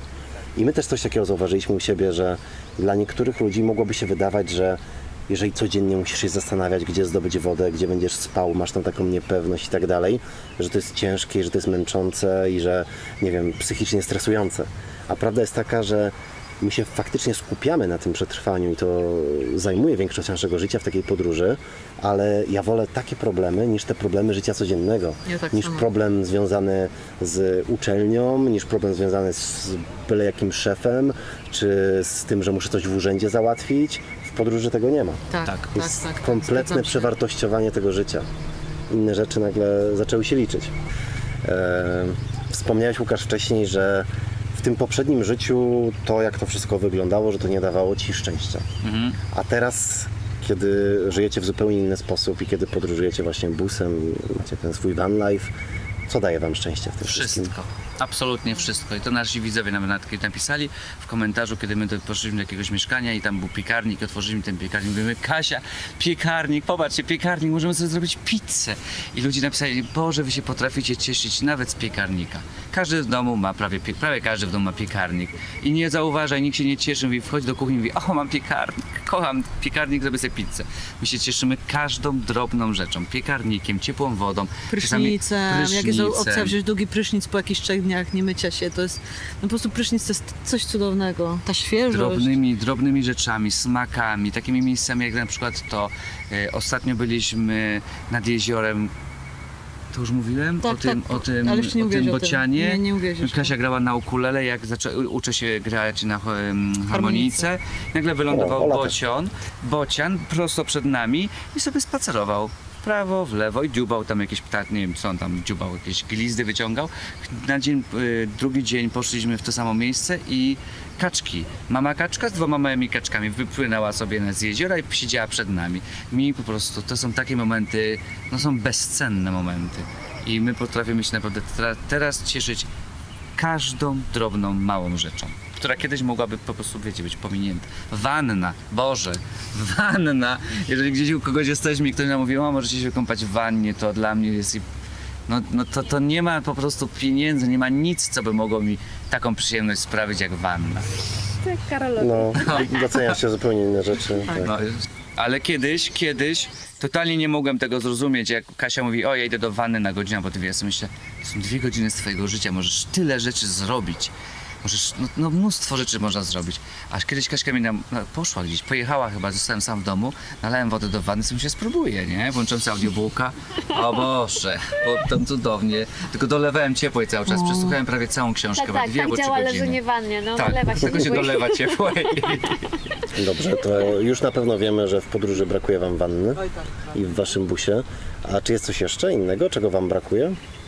Nie, właśnie dzisiaj o tym rozmawialiśmy i tak naprawdę jakby wiadomo, że mamy jakieś, my nie mamy prysznica, więc jest to jakaś niedogodność. Brakuje nam trochę też czasami, troszeczkę nam brakuje takiej przestrzeni, że można, każdy może iść do swojego pokoju i na chwilę zająć się swoim życiem, ale z drugiej strony to nie są takie rzeczy, które które byłyby aż tak ważne, bo jakby kosztem tych takich małych niedogodności mamy właśnie wolność, e, takie miejsca, gdzie właśnie jak tutaj w terenie, w zieleni i wtedy wychodzimy i możemy się na chwilę rozdzielić, każdy idzie na spacer, jest samotny Nie musimy przez jutro chwilę. wstawać na ósmą do pracy. Więc jakby tak naprawdę z takich fizycznych rzeczy najbardziej brakuje nam wanny. Wannę, prysznicę, no, takie No, rzeczy. wa- wanna, myślę, że to jest to. Ostatnio troszkę nam brakuje chyba czasu dla naszych bliskich, tak bym też muszę się niestety chyba No, to zabić dlatego, że pieś. jesteśmy tak Jesteśmy teraz, troszkę zabiegani. teraz zabiegani, bo Bo przyjechaliśmy jesteśmy w większość Polsce. czasu byliście za granicą. Jesteśmy za Dokładnie. granicą, I teraz jak jesteśmy w Polsce, to nagle nadrabiamy bardzo wiele różnych zaległości, ale no z takich fizycznych rzeczy to tylko tej wanny nam brakuje. Ale no też są jakby drugie tego, ja się śmieję, że mamy takie szczęście, bo średnio raz na trzy miesiące em, okazuje się, że ktoś zaprasza nas w takie miejsca jak saunarium albo na jakieś termy i wtedy po prostu nadrabiamy tą wannę trzy razy jeszcze bardziej, Tak, tak, tak. więc nie jest tak źle. A propos tej, e, tej właśnie długości waszej podróży, to ja podziwiam, że na tak długo wyruszyliście, bo pamiętam, że była jakaś tam przerwa, że wróciliście chyba e, na chwilę do Polski, na święta czy coś takiego. Y, Mieliśmy, Byliśmy- po pierwszym miesiącu wróciliśmy na ślub Po naszych dwóch przyjaciół. miesiącach, Po dwóch przy- miesiącach. Półtorej miesiąca wróciliśmy na ślub przyjaciół. Teraz zrobiliśmy kilka zmian w samochodzie, e, takich u- ulepszeń, o których nie wiedzieliśmy wcześniej, zanim wyjechaliśmy. I później wyjechaliśmy lipcu. Tak. I I teraz tak naprawdę autem, samochodem wróciliśmy teraz w maju. I jeszcze byliśmy w Polsce na święta, ale wtedy przylecieliśmy samolotem. Trafiliśmy na bardzo fajne bilety i przylecieliśmy na same święta. Ale ogólnie w podróży no, jesteśmy już ponad rok i sami jesteśmy trochę chyba tym A w Polsce 10 zaskoczeni. miesięcy nas nie było, prawie 11. Tak. I bo my na przykład doszliśmy po tych paru latach do czegoś takiego, że maks 3-4 miesiące możemy być w podróży, najlepiej 3. I potem po tych trzech miesiącach zauważamy, że ta podróż staje się już taką codziennością, że my trochę przestajemy doceniać niektóre miejsca. Że widzimy kolejny piękny kanion w Stanach, czy e, nie wiem, wychodzi. Wodospad Tak, wychodzi nam e, kangur gdzieś na drodze w Australii, ale ten kangur już nie cieszy tak jak y, poprzednie 200 kangurów, e, a powinien. Powinien cieszyć ten kangur, powinien cieszyć ten kanion, ten wodospad i te kolejne miejsca. I my zauważyliśmy, że właśnie, żeby nas to znów cieszyło tak samo, musimy zrobić przerwę, musimy wrócić do Polski, parę chociaż tygodni odpocząć, nawet od tej podróży, bo od podróży też, też trzeba czasem odpocząć i znowu wracamy potem w podróż. Wy nie macie czegoś takiego, że czasem macie lekkie przemęczenie tą podróżą i chcielibyście zrobić przerwę od tego vana i w Nie, normalnym mieszkaniu nie. pomieszkać się nie przemieszczać? Czasami mamy ochotę zrobić przerwę od kamerowania, od kręcenia tego naszego życia, od vlogowania. Natomiast od wana nie, bo nas po prostu totalnie to cieszy. Jesteśmy zafascynowani. Każdy dzień jest inny, każdy dzień jest lepszy od poprzedniego. Nawet jak pada deszcz, to jesteśmy zadowoleni, bo popada deszcz. Mm, No, no, to, Nam się też tak fajnie układa życie, że właśnie no, mimo, że dzień w dzień jesteśmy tak naprawdę gdzie indziej, to akurat nam się tak zdarzyło, że w ten okres zimowy wylądowaliśmy w Algarve i tam się zatrzymaliśmy 2,5 miesiąca w jednym miejscu. Jakby cały czas się poruszaliśmy, ale mieliśmy taką bazę, którą był camping i to było bardzo fajne doświadczenie, bo wtedy poczuliśmy się przez chwilę, że znaleźliśmy dom. Choć był to krótkookresowy, był to dom.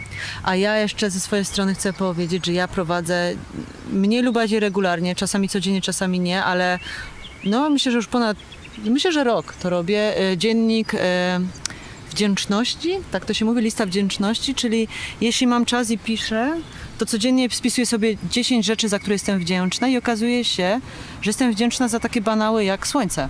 I dzień w dzień, jeśli ja przez na przykład tydzień czy dwa, na przykład praktycznie za każdym razem, kiedy robię tą listę, to piszę, że jestem wdzięczna za ten van life, czy za sposób naszego życia, bo wtedy, jak mam taką chwilę, kiedy zastanawiam się, za co jestem wdzięczna, to okazuje się, że to są takie właśnie proste rzeczy i one mi przypominają, że mimo, że to są proste rzeczy, to one są ważne.